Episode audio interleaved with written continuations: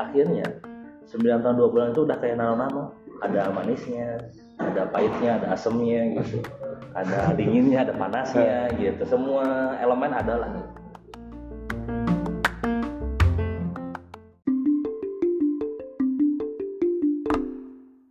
Assalamualaikum warahmatullahi wabarakatuh.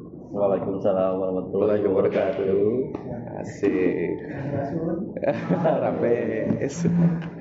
Penonton-penonton setia. Oke, kawan-kawan kali ini gue lagi bareng sama Bang Idam. Asik. Oke. Beliau ini dikenal di kampusnya pada, pada zamannya itu dikenal sebagai koboi kampus. Eda, versi naon itu? Versi anak-anak Unisba. Eh tapi sebelumnya mau ngasih tahu dulu nih. Apa? Ini tuh waktu kita yang ketiga ya. Iya, oke gitu. Jadi, ada kita cerita sedikit lah ya. Eh, agak inilah. Sebelum Jadi sebelum sebelum kita buat podcast ini, sebenarnya kita juga udah membuat podcast dengan judul apa sih bang waktu itu teh planologi ya? Yang Tentang pertama ya. eh, yang pertama tentang ruang dan waktu. Nah, yang kedua, Yang pertama kenapa nggak nggak bisanya? nah itu kehapus. Ya Nah, itu. itu itu semua itu. Kalau podcast yang kedua noise, nice ya. terlalu noise. Nah, mudah-mudahan dalam podcast yang ketiga ini bisa berjalan dengan lancar lah ya, Bang. Amin. Hambatan apa pun. Iya. Kalau kalau kali kedua tiga kali mah udah podcast ketiga kayaknya ini ini udah jadi Iya. podcast keenam. ya itulah emang nasib nasib. Oke, jadi kawan-kawan kali ini kita akan coba membahas atau enggak sharing-sharing lah Bang ya disebutnya tuh ya. Sharing sharing-sharing pengalaman Bang Idam selama di dunia perkuliahan dan mungkin bukan cuma di dunia perkuliahan eh, bisa juga Bang Idam sharing-sharing pengalamannya di, di, di luar dunia perkuliahan. Atau Itu dunia sebelumnya- kuliah jadi dunia keseharian. Nah, itu boleh. Jadi sebelumnya Bang bisa Hmm. perkenalkan dulu Bang lah. Kan di podcast sebelumnya juga Bang perkenalkan jadi ini tiga kali perkenalan. Ini ada teman dulu nih. Azmi, Azmi. gitaris Ikut di sini, Mi. Nah, ini ada gitaris podcast ngempot bari ngekes. Oke, silakan Bang. Saya kuliah itu sama kayak Helmi nih. Yaitu jurusan planologi. Ya di mana jurusan planologi ini masih banyak orang yang tidak apal mungkin yang mendengar ini juga belum tentu tahu. Iya. Tapi di balik itu semua, nah makna yang terbesar yang saya selama kuliah ini saya dapat adalah apa inilah jalan ninjaku woy. kalau, kata Naruto ya apakah ini jalan ninjaku gitu. Artinya planologi ini adalah sebagai jalan saya dalam hidup gitu. padahal saya pengennya dulu masuknya TKV jadi ngedesain Ya, gitu sempat- sempat ini juga kan, kita cerita-cerita cerita gitu. Jadi akhirnya pas masuk ke planologi hanya dengan berbekal eh, waktu itu bapak kamu kan suka main SimCity itu. Nah, kayak gitu planologi ya Berbekal game. Eh, masa mau dana gamenya? Ya udah kamu mungkin cuma ngerancang-rancang Iya. doang gitu Iya. kan. Oke deh bisa diterima gitu. Eh, dulu pengen eh, langsung didaftarnya di SAPPK Iya. ITB gitu kan. Nggak keterima tuh. Sama eh, apa? FSRD juga nggak keterima. FSRD sama SAPPK nggak keterima FSRD kan seni rupa desain kan? Kalau SAPPK ya tadi yang arsitektur dan perencanaan tadi. Terus pada akhirnya eh, ketika nggak keterima di kampus itu kampus gajah atau ITB akhirnya orang tua nggak rekomendasiin ke Unisba Berarti itu langsung di Bang sama orang. orang tua. iya langsung dikasih opsinya Menyarankan, Unisba aja. Karena dulu SMA-nya Darul Hikam ya kuliahnya biasanya banyaknya di Unisba gitulah. Alahnya gitu. Jadi cuma pindah lokasi gitu. Iya. tapi tetap komponen utama Islamnya sih harapan orang tua sih situ gitu Oh, Bang Darul Ikap. Darul Hikam SMA-nya jadi di diajakin eh orang tua harapannya adalah oh yang penting ada nilai Islamnya deh gitu Mhm. planologi Tetap tetap itunya planologinya akhirnya nah ini yang lucu waktu di Unisba daftar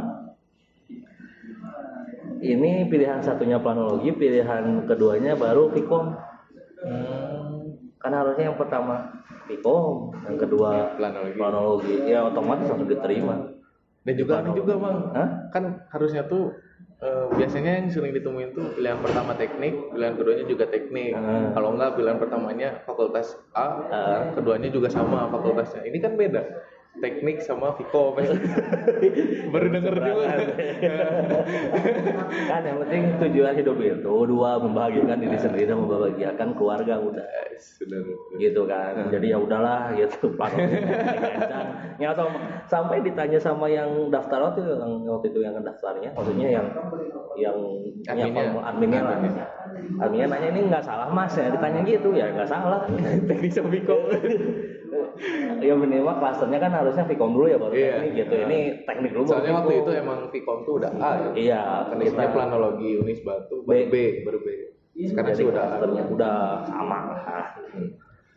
Jadi istilahnya ya otomatis makanya NPM-nya NPM awal. Hmm. NPM itu NPM saya 1007 Hmm. 03 1008. Oh 8, ke 8 Iya, urutan ke 8 berarti awal banget kan. Hmm. Ya udah tuh dari situ masuk planologi alhamdulillah keterima otomatis karena mungkin kuotanya juga masih banyak jadi otomatis masuk. Akhirnya eh, mulailah biasa briefing untuk persiapan eh, ospek fakultas. Hmm. Nah, persiapan kan itu setelah dari universitas ospek. Kalau di kami itu kampus namanya Kandaru. Nah ini ada basis Bis, kita gas. basis etero. Terus eh, dari kan kalau di kita namanya pekan ta'aruf ya, ta'aruf dari universitas sampai ke jurusan. Pas dipindahin dari universitas ke fakultas tuh, wah yang teknik langsung Hmm. setelah baru selesai baru juga selesai penyerahan gitu kan langsung diteriakin kau teknik kumpul di tangga batu Der, gitu kan disuruh disuruh disuruh baris lah. Terus langsung ad- Pelatihan militer datang. pelatihan pelatihan Mulai ya. pelatihan berbasis militer datang.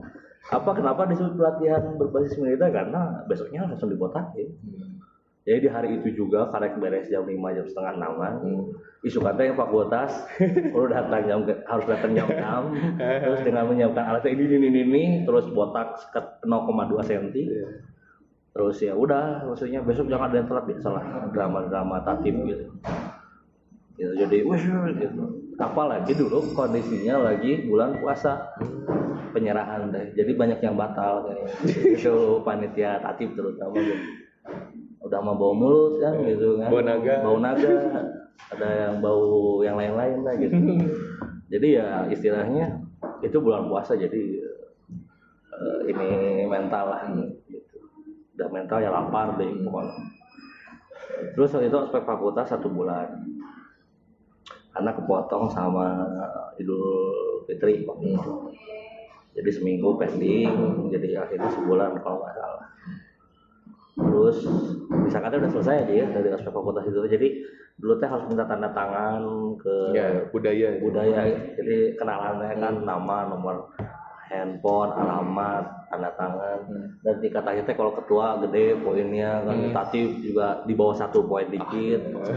Pakai pakai poin lah kerja target gitu kayak MLM. Terus akhirnya kalau tatip khusus hari Sabtu sama Minggu dan biasa selalu di tempatnya di BEM Fakultas Teknik di dalam yang minta tanda tangan tuh pasti bunyinya duk duk duk duk gitu teh udah Tapi pas pas pertama masuk dunia keteknikan kaget nggak bang? ya kaget Kaget. ya ini hampir Atau, sama kayak wajib militer gitu Sebelumnya udah tahu gitu. Oh dunia keteknikan. tapi kalau teknik secara kultur udah tahu Udah tahu. tapi secara lapangan kan baru di sini jadi dalam artian ngelihat. Ini ya saya sa- masuk fakultas teknik atau wajib militer ya gitu pada saat itu ya. Tanya-tanya ya. jadi dulu kayak panitia biasa aja kayak fasil fasilitator atau dulu mah disebutnya kambing kakak pembimbing. Itu minta tanda tangan minimal satu seri minimal. Kalau yang dapat yang baik ya nggak diapa-apain cuma ngobrol biasa. Itu yang hoki. Tapi biasanya satu satu seri tangan dikepal tapi ya udahlah saya aman lah gitu. Tapi mah udah mal minimal dua seri minimal ya dua seri saya belum gerowok gerowoknya untuk meminta sebuah tanda tangan saja gitu. Dan mereka merelakan mereka batal puasanya gitu. Ya udah akhirnya fakultas selesai. Nyambung ke jurusan. Disangka udah selesai fakultas. Udah selesai fase neraka satunya gitu. Ternyata ini fase duanya gitu jadi bu- kalau ibarat tingkat gitu ya. neraka tuh ya ternyata ini tingkat ketiga gitu Dan disangka Lebih eh, keras ya. eh, lebih Lebih panas. panas gitu Ke sini makin jahanam. jadi jadi pas dioper teh anjing ya gitu wih aja gitu dulu pas di serah terima ini kita dikumpulin oh enggak pokoknya pas penutupan itu kita sempat ribut dulu sama ekonomi jadi waktu kita dikumpulin di tangga eh di kedokteran dulu. Hmm. terus pas udah di kedokteran dikumpulin Latif ngomong kalian tahu itu tangga batu? Jangan tahu. Kalian tahu tangga batu milik siapa? Di teknik. ini gitu. Kalian siap merebut tangga batu dari anak ekonomi? Siapa karena botak terus masih itu budak budak otoritarian gitu kan budak budak mana itunya gitu akhirnya eh tetangga batu posisi eh, ini misalnya anak ekonomi lagi baris nih.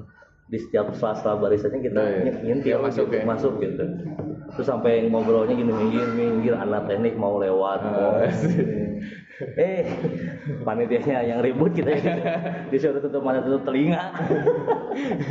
Ini pas peran panitianya ribut panitia teknik sama panitia ekonomi kitanya disuruh tutup mata tutup telinga. Tapi kita sambil Ternyata tuh ribut lagi. Eh, eh, ribut. Asik ribut tapi panitia gitu. Akhirnya ya, ekonomi ngalah gitu kan. Terus kita biasa salam teknik kan.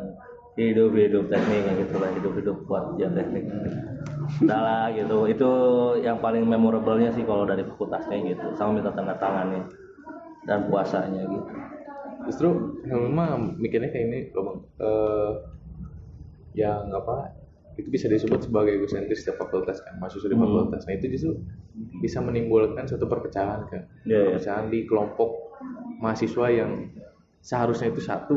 Iya. Tapi kan sekarang kondisinya mungkin juga udah terjadi beberapa tahun ke belakang kan Mm-mm. udah perpecahan kan Iya. karena tiap fakultas memiliki ego masing-masing. betul Ya, contohnya kayak tadi aja kan yang teknik itu kan. Itu tangga batu milik siapa? Milik teknik. iya iya iya.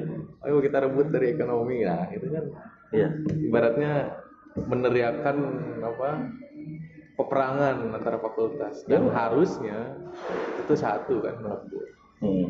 Mungkin itu nanti eh, imbasnya ke pergerakan mahasiswanya mungkin kan. iya Ya.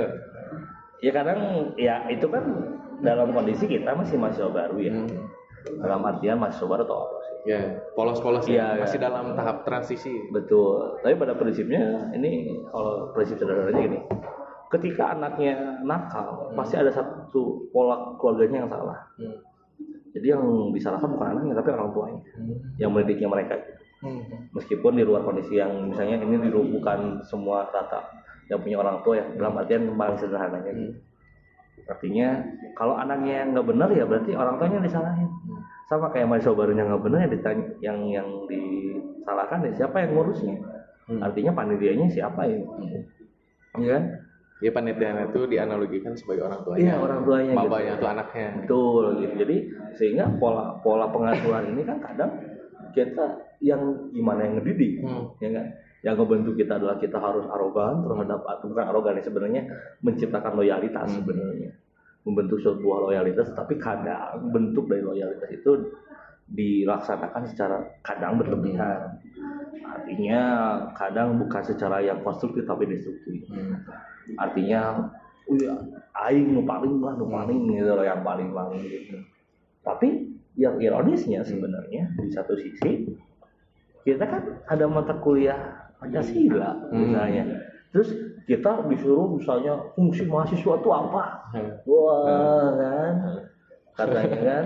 Tapi kan kok yang kita ajarkan adalah bukan apa yang sebenarnya kita tadi kita belajar gitu. Atau gimana mau arogan tapi sila ketiga kan persatuan Indonesia atau minimal misalnya persatuan fakultas atau persatuan universitas gitu. Atau persatuan jurusan Iba, diibaratkan kita ini cuma paham akan teorinya aja kan. Iya. Dalam pengimplementasinya itu nol kan. tapi kadang kita nggak sadar ya Iya. kok fasenya kita nggak sadar karena mungkin kita waktu itu belum ngalamin atau kita nggak tahu teorinya Hmm. Jadi tadi seperti maba kan disuruh arogan itu ya karena disuruh senior karena ketakutan bukan karena Perintah. ya mungkin sebagian ada yang ketakutan sebagian ada yang terlalu juga dia sudah termakan akan loyalitas yang berlebihan tadi gitu ya kan Hmm. sehingga yang ditanamkan selama ini adalah yang kita tidak sadari adalah tadi arogan tadi egosentris. Hmm. gitu. Itu yang kadang bahaya yang kadang nah pada akhirnya pembelajaran yang paling besar abah kuliah sama di Unisba ini adalah saya punya tanggung jawab untuk bagaimana menceritakan di masa lalu dan kita sama-sama perbaiki masa depan gitu. Hmm. jadi 9 tahun dua bulan teh bukan alasan pengen sok gimana gimana gitu 9 tahun tuh. 9 tahun dua bulan lah ya gitu. hampir satu dasawarsa gitu. Tapi yang paling penting adalah ya tadi gitu. Saya ternyata punya pesan yang paling dalamnya adalah ya mungkin saya masih dipercaya di jurusan itu Ya. dengan adik-adik, anak-anak, cucu-cucu gitu. Untuk sok atau untuk menceritakan yang istilahnya adalah bagaimana sejarah planologi ini di masa lalu yang diketahui aja gitu nggak semuanya tahu kok dan bercerita kamu harus punya bentuk formula yang baru bagaimana biar ke depannya bisa lebih baik daripada Iya. yang sebelumnya gitu karena kan prinsip dalam agama kita kan di Islam tiga tadi orang yang hari ini dengan kemarin sama aja rugi Hmm. ya kan?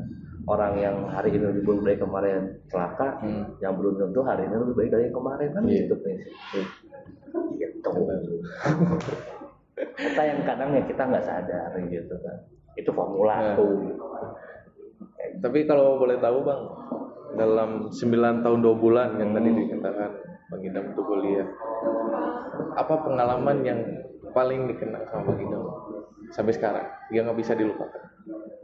Itu yang pertama yang tadi kan Mungkin kisah cinta, gitu. cinta ya betul. Eh cinta. cinta. Kayak universal gitu.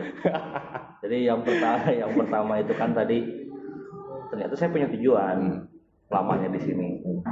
Yang kedua adalah eh, tadi teh hanya Ya, yang pengalaman ya. peng- pengalaman. Tadi teh akhirnya 9 tahun 2 bulan itu udah kayak nano-nano. Ada manisnya ada pahitnya ada asemnya gitu ada dinginnya ada panasnya gitu semua elemen ada lah tapi kan bagus akhirnya untuk bisa menguasai semua elemen dan rasa Hmm. biar tadi kita ngerti Makanya itu yang disebut art ya. Iya, tadi di situ Seni, gitu. ya. Seni bagaimana merasakan how to feel ini gitu. Jadi ya pengalaman tapi yang paling memorable gini ya, paling sederhananya di tahun pertama dan tahun kedua saya, saya berjalan sangat baik sebagai akademisi yang istilahnya ber, eh, lebih Tekun. mengutamakan akademisi Oh. mengutamakan akademisi.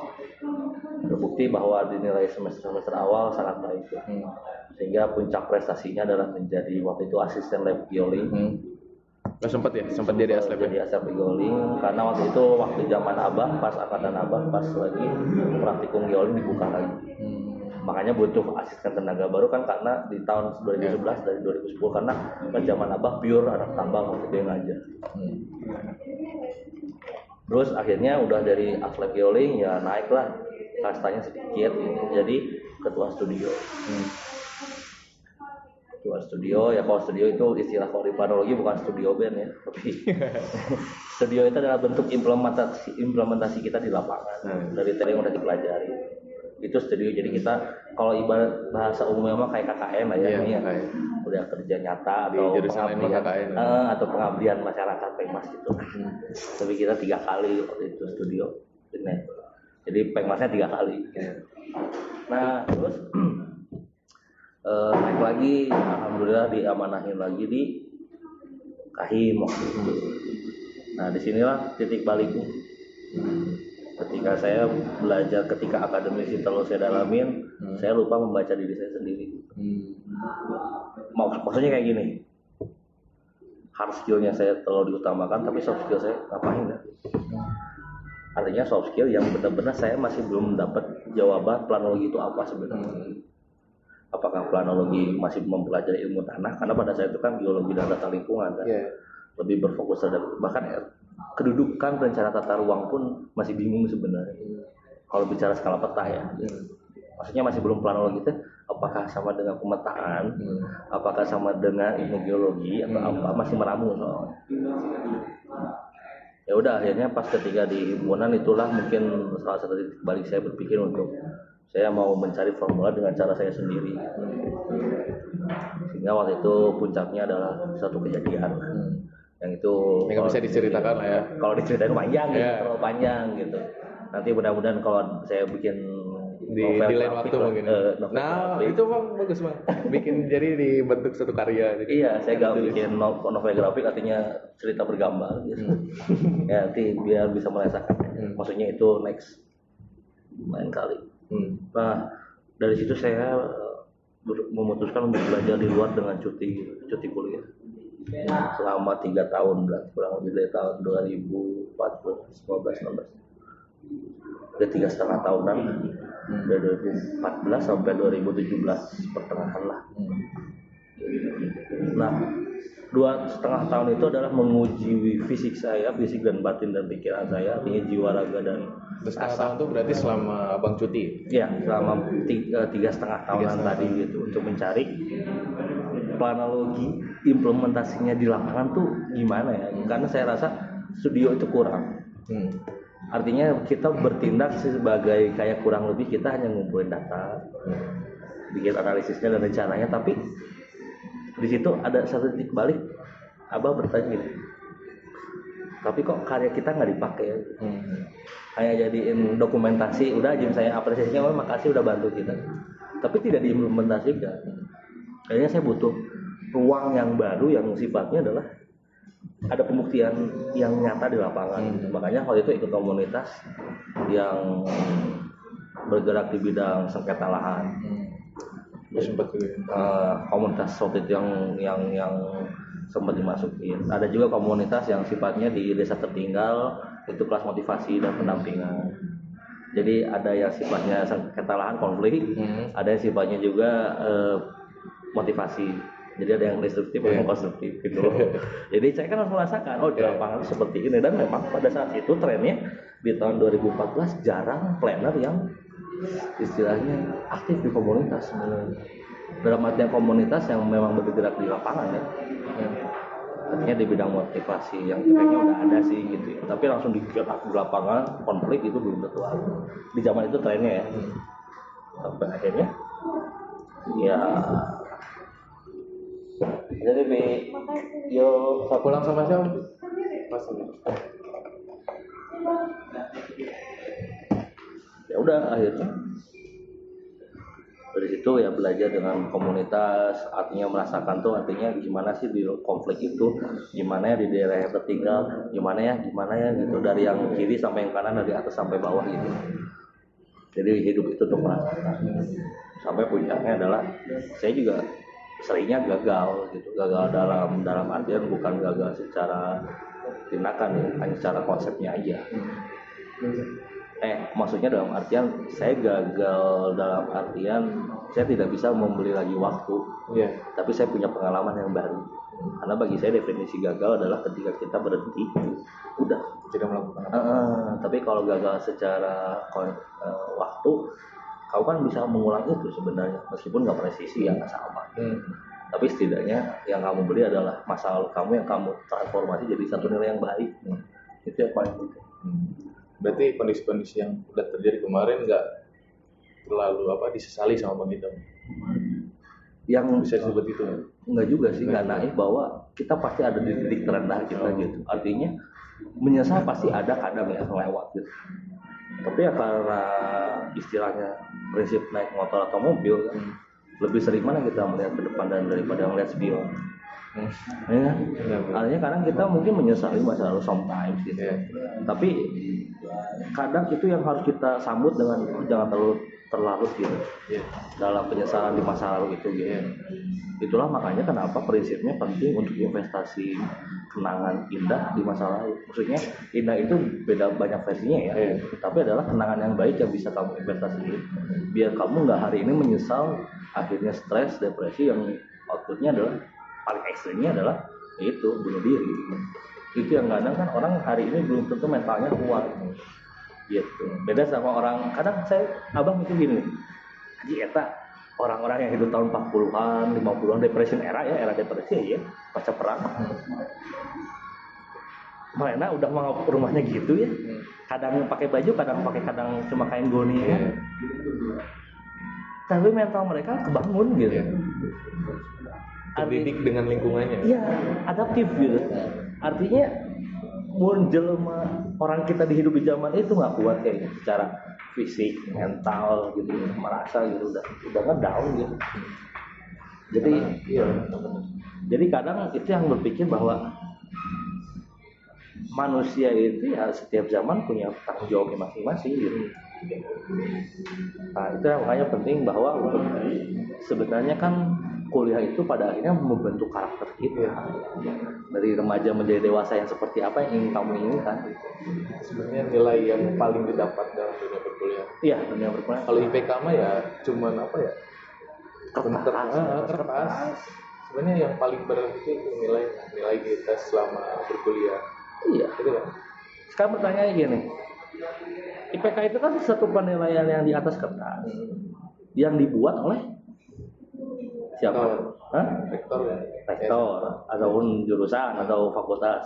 Mereka adalah sama kayak kita nggak notabene manusia? Ya eh pasti ada errornya.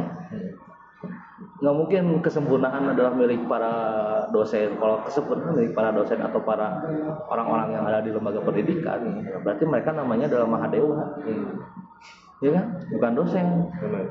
Nah, itu kenapa mahasiswa ada istilahnya tapi nggak ada mahadosen ya kan karena kalau mahasiswa adalah puncak ketidaktahuan. Tapi kalau kalau kalau kalian mau disebut maha dosen adalah berarti dewa kalian. Yang nggak bisa lepas dari ya yang nggak pernah salah gitu.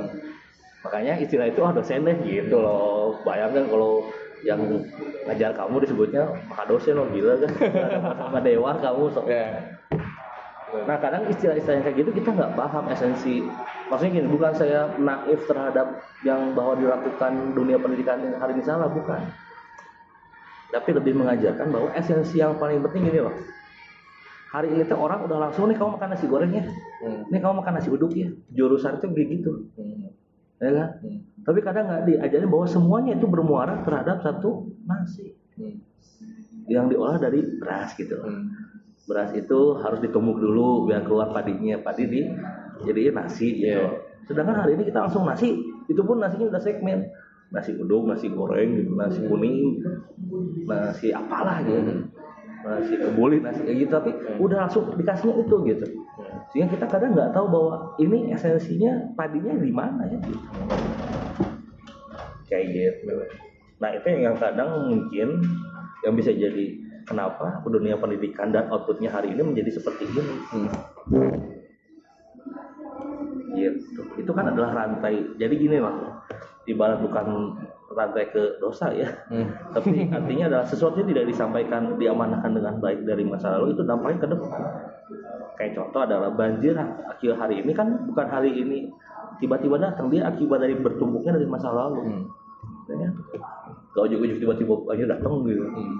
kayak rasional kita hari ini kalau mahasiswa siapa pun yang udah sering baca artikel dan lain penelitian kan intinya adalah penimbunan sampah yang yang di mana drainase itu atau pembuangan saluran pembuangan air teh memang untuk mengalirkan air Hmm. ini jadi tempat sampah bersama Hmm. kan di mana antara logika dengan ininya berjalan gitu kan nah harusnya kita teh tanggung jawab mahasiswa kan menerangkan itu Hmm. dengan solusi-solusi yang hari ini ada terus kita harus ngapain cari solusi gitu Hmm. Ini bukannya cari solusi sibuk aja memperkaya dirinya dengan angka ya kan?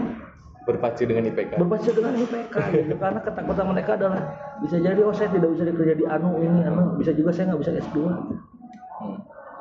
kalau besok kiamat kamu masih pikir gitu nggak ya? Gitu misalnya gitu kalau pengumuman besok kiamat gitu ya. Masihkah orang berlomba-lomba dalam mencari angka tadi? Gitu? atau orang sibuk-sibuk taubat nasuha gitu? Hmm. ini pertanyaan. Ya, kalau anekdotnya gitu ya jokesnya gitu kan. Sok mending milih yang mana? Pasti besok ini taubat nasuha secara global kayak Iya. gitu. Kalau pengumuman pengumuman. Dari Nabi Israel besok eh, akan meniupkan Israfil meniupkan trompet misalnya gitu kan. Wah langsung itu semalamnya tobat global tuh live gitu. Ya kan? Nah jadi mahasiswa aja kita belum tuntas gitu mendefinisikan secara baik dan apakah disepakati atau enggak kan? Hidup itu itu tadi balik. Iya. Kalau kita nggak tahu ap- untuk apa kita makan jadi kita mengonsumsi sesuatu nggak ada tujuan kalau kamu nggak tahu lapar itu buat apa Hmm. kamu tidak akan pernah bisa menikmati apa itu lapar Hmm. gitu merasakan ya paling penting itu kan hidup merasakan gitu itu mahasiswa yang kedua tadi ajas eh, yang kedua setelah mahasiswa kamu pasti di wi wisuda Oh, di wisuda. Ya, wisuda tuh kan Oh, ini disebutnya eh, seremonial. Iya. Cuma sebatas seremonial. Nah, itu juga kadang kerancuan gitu di KBBI juga kan. KBBI kadang eh, mendefinisikan itu karena yang sudah terjadi hari ini. Bisa jadi enggak proses tabayun terhadap siapa yang menciptakan katanya atau apalah entah karena emang sengaja dikaburkan definisinya gitu. Kayak contoh ini mah contoh aja ya misalnya. Eh, definisi dari mahasiswa eh, eh, dari wisuda tadi kan wisuda itu seremonial kan kalau secara KBB karena melihat hari ini banyak orang yang di seremonial atau Iya. upacara Nah, sehingga oh ini upacara ya kayak toga toga emang apa Tahu mah cuma sebatas ini kainnya. Iya toga itu dari bahasa Yunani betul. Artinya toge. Hmm. toge tauge maksudnya bukan toge toge sayuran itu ya. Tauge tauge. Itu adalah kain. Nah kain itulah yang dijadikan oh itu sebagai bentuk kita untuk menutup badan gitu. Kan nggak sampai di KBB tauge eh toga adalah kain yang diambil dari bahasa Yunani yang artinya tauge. Kan gitu cuma kain yang menutupi badan udah aja bisa jadi ya tapi alhamdulillah hari ini Wikipedia juga punya yang baru sekarang bukan KBBI artinya ejaan apa gitu Hmm. Hah? Webi. Itu Webi. Kan Webi. ya nama itu tuh ejaan bahasa Indonesia kali ya Hmm. W-nya nggak Bukan KBBI. ya pokoknya bukan KBBI kalau sekarang yang baru gitu nah kayak tadi artinya akhirnya wisuda itu saya dapat dari kawan saya oknumnya inisial saja nama oknumnya AB sama NA waktu itu diskusi kita di komunitas. Beliau-beliau ini menemukan definisi dan menurut saya ini masuk akal make sense. Ketika wisuda tadi hanya seremonial atau upacara hari ini sebenarnya mereka mendapatkan makna secara murni dari bahasa karena bahasa Indonesia itu kan bukan bahasa murni. Iya, serapan. iya kan? Serapan dari bahasa Indonesia eh bahasa Melayu Hmm. Arab Cina India. Wah siapa yang lewat aja pokoknya gitu kan. Portugal Belanda kayak gitu lah. Siapa yang lewat ya itu kan Iya. istilah-istilah definisi yang barunya gitu. Nah wisuda itu diambil dari Sanskerta ternyata. Artinya apa? Wisuda. Bahasa ini ya, Buddha kan? Sanskerta itu ya bahasa bahasa Hindu. Gitu kan Hindu. Terus bahasa bahasa Sanskrit sih sebenarnya bahwa dulu juga kerajaan sebelum ada Hindu Buddha ada juga kan animisme juga udah pakai bahasa ini nah akhirnya Visuddha itu ternyata artinya apa? Kembali kepada kemurnian. Atau disebutnya kemurnian Visuddha itu. Hmm. artinya apa? Wisuda itu sebagai proses pembersihan diri kita agar siap menjadi bagian dari Masyarakat. masyarakat juga. Nah, kalau kamu senang Naruto, kamu akan belajar tentang cakra kan. Iya. Nah, ini Rasengan itu kan dihasilkan dari cakra. Iya. Nah, Visuddha ini adalah cakra kan sebenarnya. Ada tujuh tingkatan cakra tuh dalam ajaran Hindu itu, kepercayaan Hindu. Tujuh tingkatan itu, nah Visuddha itu terletak di tenggorokan. Jadi artinya apa? Kalau misalnya lihat di rokok-rokok mana lihat kan ya? Hmm. Ada yang tenggorokannya bolong, Ya, berarti kan dia outputnya bisa ngomong nggak kira-kira kalau tenggorokannya bolong udara tuh keluar terus kan? ya kan jadi nggak bisa ngomong kan di mulut ya kan nah makanya pertanggungjawaban ilmu di dalam kerongkongan ini adalah penting karena getaran Hmm. artinya setiap getaran kamu keluarkan itu punya tanggung jawab intinya ke situ. Sehingga wisuda itu artinya kembali kepada kemurnian. Karena kalian sudah tahu ilmunya Hmm. pada prinsipnya. Ilmu dokter ya dokter untuk menangani manusia misalnya ekonomi untuk menguas, eh, untuk mengurus keuangan misalnya. Jadi si eh, jurusan atau fakultatif tadi sifatnya memang menangani di bidang itu. Khusus. Khusus. Dari wisuda tadi adalah kalian harus disiapkan di masyarakat untuk menangani masalah di bidang itu gitu. Maksud Iya. planologi adalah bagaimana memanage banyaknya disiplin ilmu itu untuk bergerak sesuai kaidah ruangnya gitu. Hmm.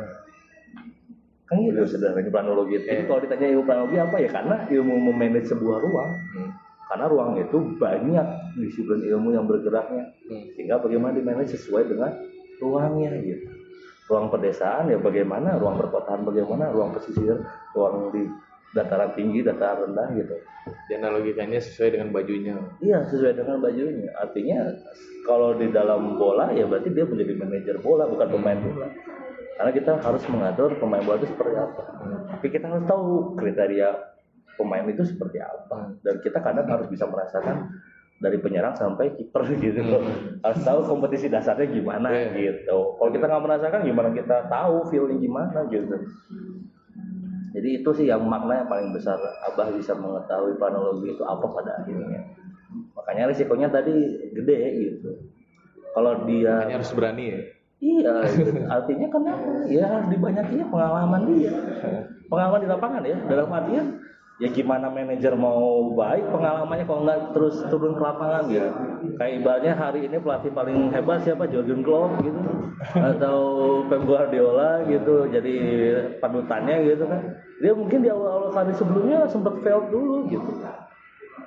Tapi kan langsung tiba-tiba langsung juara, tak enggak, semua by proses. Gitu.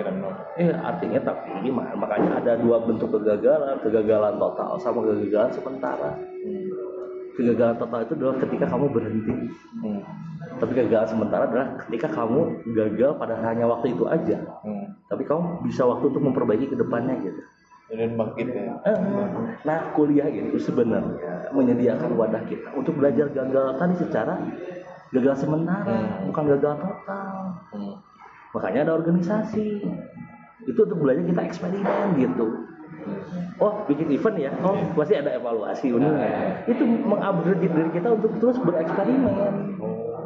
Ya kan? Sedangkan untuk akademik ya karena kita di ruang kelas. Jadi dari ruang kelas ada ruang praktek gitu. Organisasi itu harusnya bisa menjadi wadah untuk menyediakan kita laboratorium bersama. Laboratorium untuk penelitian secara humanisnya lah gitu atau aksiologinya lah mungkin ya bahasa kerennya bukan humanisnya tapi aksiologinya lah. Artinya bentuk konkretnya apa nih? Jadi mau gagal mau berhasil dah itu mah kesepakatan bersama gitu. Jadi misalnya, yang datang ke seminar cuma dua orang. Kalau kamu menganggap itu gagal, ya pasti gagal. Iya. Tapi sementara kan. Tapi kalau kamu pede, ah bayar dua daripada uang lu datang, Iya. ya kan? itu mah cuma masalah dalam pikiran kamu. Gitu yang penting adalah kamu sudah melewati atau melaksanakan kegiatan itu. Itulah esensi yang harus kita belajar bernegara itu gitu. Nah, itulah kenapa pelajaran besar saya belajar planologi. Artinya kita belajar untuk bermasyarakat juga sebenarnya dalam bentuk lingkup kampus. Dan harusnya planologi itu bisa menjadi seorang pemimpin. Pemimpin, Planners, ya? planners gitu, planners as leaders gitu. Jadi pemimpin yang memimpin para pemimpin. Nah, bingung nggak? Artinya dia adalah kesepakatan dari setiap pemimpin-pemimpin individu gitu. Iya. Helmi pemimpin individu, ada Asmi, ada Bagas semua orang ini, dia minimal harus bisa memimpin Dirinya sendiri. dirinya sendiri. Karena kesepakatan aja. Raja itu historisnya gitu dulu. Raja itu kesepakatan masyarakatnya karena dia setelah mengabdikan wilayahnya untuk masyarakatnya sendiri. Ya kan? Kegagalannya kerajaan adalah karena tadi monarki itu harus ada keturunan. Sehingga terus diperang. diruntuhkan. Eh, diruntuhkan. Kalau nggak perang saudaranya, perang saudara. Kalau nggak yang perang sama daerah lain gitu kan. Tapi lebih kompleks perang dalam sendiri sebenarnya. Ya, ya kan? Akhirnya diganti demokrasi. Ya demokrasi ya sama-sama aja. Cuma beda nama doang dari presiden jadi raja gitu. Eh raja jadi presiden gitu. Wakil presidennya jadi perdana menteri. Eh perdana menteri ngegantiin wakil presiden gitu. Tapi kadang di aksi di lapangan ya sama-sama aja. Dinasti-dinasti juga kan. Ya, tapi itu nanti lain soal lah bahas. Iya. Paling tapi yang paling penting adalah kehidupan di kampus itu kita belajar untuk gagal tapi gagal sementara bukan gagal yang total gitu ya karena organisasi so kalau misalnya organisasi. Elmi sadar misalnya mau di komunitas mau di organisasi atau mau di unit Hmm. ya kan pasti ada melakukan program kerja kan atau kegiatan kan Iya. dan kayaknya jarang deh kegiatan yang 100% berhasil Hmm. paling mendekati 90 atau 80 jodoh syukur kan? Makanya nggak ada yang sempurna tapi kan setidaknya experience kalian ber- bertambah Apa? kadang abah suka mikirin gini loh. Kadang orang saya akhirnya youtuber yang gede gitu ya. Hmm. kadang suka iseng aja. Video pertamanya gimana dulu dia? Kayak dulu pernah saking gabutnya Si Atta. gitu. bukan adalah Oh, kan itu. Nah atau public figure kita sekarang nih Ridwan Kamil itu abah saking gabutnya nge-scroll foto beliau gitu. Sampai mau lihat foto awal doang itu harus sekitar 10 sampai 12 menitan. Nge-scroll sampai bawah banget atau 15 menit mungkin ya. Hmm. terus ke bawah. Dan ternyata Ridwan Kamil itu foto-foto awalnya adalah lebih banyak dia foto landscape. Karena beliau basicnya adalah arsitektur. Hmm. jadi foto-foto beliau juga suka foto gitu. Hmm. Pak Ridwan Kamil ini suka foto dan foto-foto yang dia gambar adalah tangkap adalah pengalaman dia dan apa yang dia foto dia hasilkan sebagai bentuk kekaguman, kekaguman dia terhadap dunia arsitek dan urban design terutama Hmm. gitu kan. Sehingga dia memotret itu. Memotretnya pemandangan alam kalau enggak tempat gitu. Jadi itu awal-awalnya nah ketika terus ke atas ya karena udah mau mempromosikan dirinya gitu untuk menjadi wali kota. Jadi ya sehingga lebih banyak wajah beliau yang muncul Iya. dibanding misalnya pemandangan tadi gitu. Karena tadi setiap orang pasti ada tingkatannya masing-masing Step by step. Upgrade, ah, step prosesnya tadi masing-masing. Gitu. itu sih. Itu yang paling pentingnya. Nah akhirnya dari wisuda tadi kita itu kan diterjunin di masyarakat. Habis wisuda gelarnya namanya apa? S. sarjana. Ya betul. Jadi artinya sarjana juga kalau KBBI mah sarjana itu adalah sebuah gelar. Gelar itu terus secara terminologinya yang kita cari itu selama ini teh yang gagal dalam mencari terminologinya asal dasar katanya itu gitu bukan makna hari ininya gitu ngerti kan tapi Historisnya. Eh, terminologi kan artinya asal muasal kata kan. Sedangkan KBBI itu hanya menjelaskan makna hari ini itu apa yang dipandang banyak orang. Hmm. Ngerti kan? Hmm. Sehingga kayak ikro gitu kan. Ikro itu apa gitu. Bahasa secara terminologinya adalah. Koroah. Ikro itu kan baca, tapi koroah itu adalah meneliti. Jadi tujuan kita hidup adalah meneliti dengan cara membaca gitu loh Ya. sama kayak sarjana sarjana itu ternyata terminologinya tadi seperti halnya wisuda wisuda sarjana itu sajana sajana itu apa menjadi berwatak baik dan arif nah berarti kan itu softwarenya gitu. Ya. softwarenya hardwarenya adalah wisuda gitu Ah. Jadi itu yang yang kadang kita kan nah, makanya kenapa kita tadi pertanyaan di awal kan secara keseniannya kenapa dunia pendidikan hari ini kok menghasilkan kualitas yang tidak sama dengan kuantitasnya gitu? Ya karena mereka tidak diajari secara utuh terminologinya tadi. Hmm. seperti hanya perbicaraan kita yang tadi di tengah-tengah tentang nasi gitu. Iya. kita nggak diajarin padinya tuh gimana cara bikin padi langsung aja nih kamu bikin nasi uduknya ya Iya. Oh bikin nasi gorengnya ya Nasi goreng nasi goreng ayam Nasi goreng sosis Nasi goreng ati apalah gitu ya Kita langsung diajarin itu masaknya gitu Sadar nggak Helmi gitu Iya. Benar. Ya. Udah mah orang berlomba-lomba cepat lulus tahunnya gitu pula nilainya gitu makanya wajar nggak waktunya dia mencari gaji yang gede dia jabatan yang tinggi wajar karena yang dia cari selama kuliah itu sama. Adalah gambaran apa yang dia cari selama nanti di masyarakat. Hmm. that's why orang yang kuliah itu berbeda dengan yang tidak kuliah sebenarnya. Itu yang membedakan. membedakan. Artinya apa? Pola pikir. Pola pikir. Eh itu jadi di art of cowboy kampus artinya 9 tahun ini adalah bukan saya sengaja untuk pengen kuliah selama itu tapi yang paling penting adalah apa yang bisa saya bisa membaca nggak sih ikro tadi gitu ikro ngaji diri loh Hmm. kayak gitu sih yang paling penting dalam sejak program itu Oke. sama kuliah Bang, mungkin ini terakhir. Eh, Terkadang banyak juga mahasiswa tuh yang selama dia berproses di dunia perkuliahan mengalami down.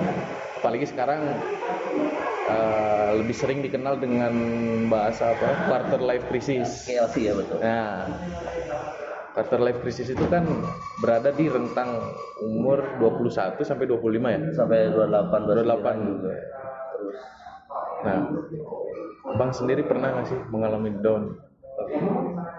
Dan bagaimana caranya untuk bangkit? Mungkin juga ini eh, karena terakhir hmm. Abang sekalian apa saran bagi eh, apa generasi sekarang. udah saya dari kolonial ke milenial Ap- Apalagi kan zaman dulu mah emang didiknya tuh keras kan. hmm. Ya, kalau sekarang kan cenderung baper kan perang generasi sekarang tuh dikerasin sedikit down langsung Jadi yang pertama yang quarter life crisis pasti dialami setiap orang. Jadi quarter life crisis itu ada sebenarnya dua fase. Hmm. Fase remaja ke dewasa dan dewasa jadi tua. Hmm. Sebenarnya ya, kalau kita mau sadar bahwa quarter life crisis bukan satu kali fasenya atau bisa lebih dari dua juga ada banyak gitu artinya quarter life crisis itu di posisi di mana kita tidak menjadi yang mainstream melaksanakan gitu Hmm. Artinya kita bukan menjadi orang yang di mana harus mainstream biasanya lakukan seperti Hmm. hanya misalnya ternyata misalnya Helmi baru bisa berjalan eh merangkak di bulan ke 9 Hmm. di mana orang yang rata-rata itu enam bulan gitu Iya. bisa merangkak nah di situ tuh yang sebenarnya ada keraguan kan dia ini anak saya kok nggak normal gitu loh Hmm. quarter life crisis di fase pertama yang tadi usia 18 sampai usia 28 bulan atau kurang atau lebih kurang lebih ya segitu. Itu diakibatkan karena lingkungan yang membentuk sehingga kita menjadi ya tadi kita merasa bahwa kok kita nggak kayak orang orang lain. orang lain gitu. orang lain udah ini kita masih di sini. Gitu. Misalnya usia segini udah kerja kok kita belum kalau enggak udah kerja ditanya nikah kalau enggak biasanya pekerjaan dengan keilmuan nggak nyambung. Jadi nggak nggak nyaman dengan apa yang dikerjakan dengan apa yang di dipelajari selama ini pelajari pelajari. gitu kan. Kadang jadi ya itu adalah krisis nah resikonya adalah orang yang mengalami quarter crisis dia namanya juga quarter itu kan seperempat ya kan life crisis itu berarti krisis kehidupan di umur seperempat. Mungkin kalau di dari dewasa ke tua ya seperdelapan Iya. di life quarter gitu. Lah tapi yang penting adalah quarter life crisis ini adalah di mana identitas kita dipertanyakan. Pertanyaannya adalah apakah kita bisa me- berdamai dengan apa yang kita hari ini? Artinya berbeda ya udah nggak apa-apa. Asal tidak merugikan orang lain prinsipnya gitu. Hmm.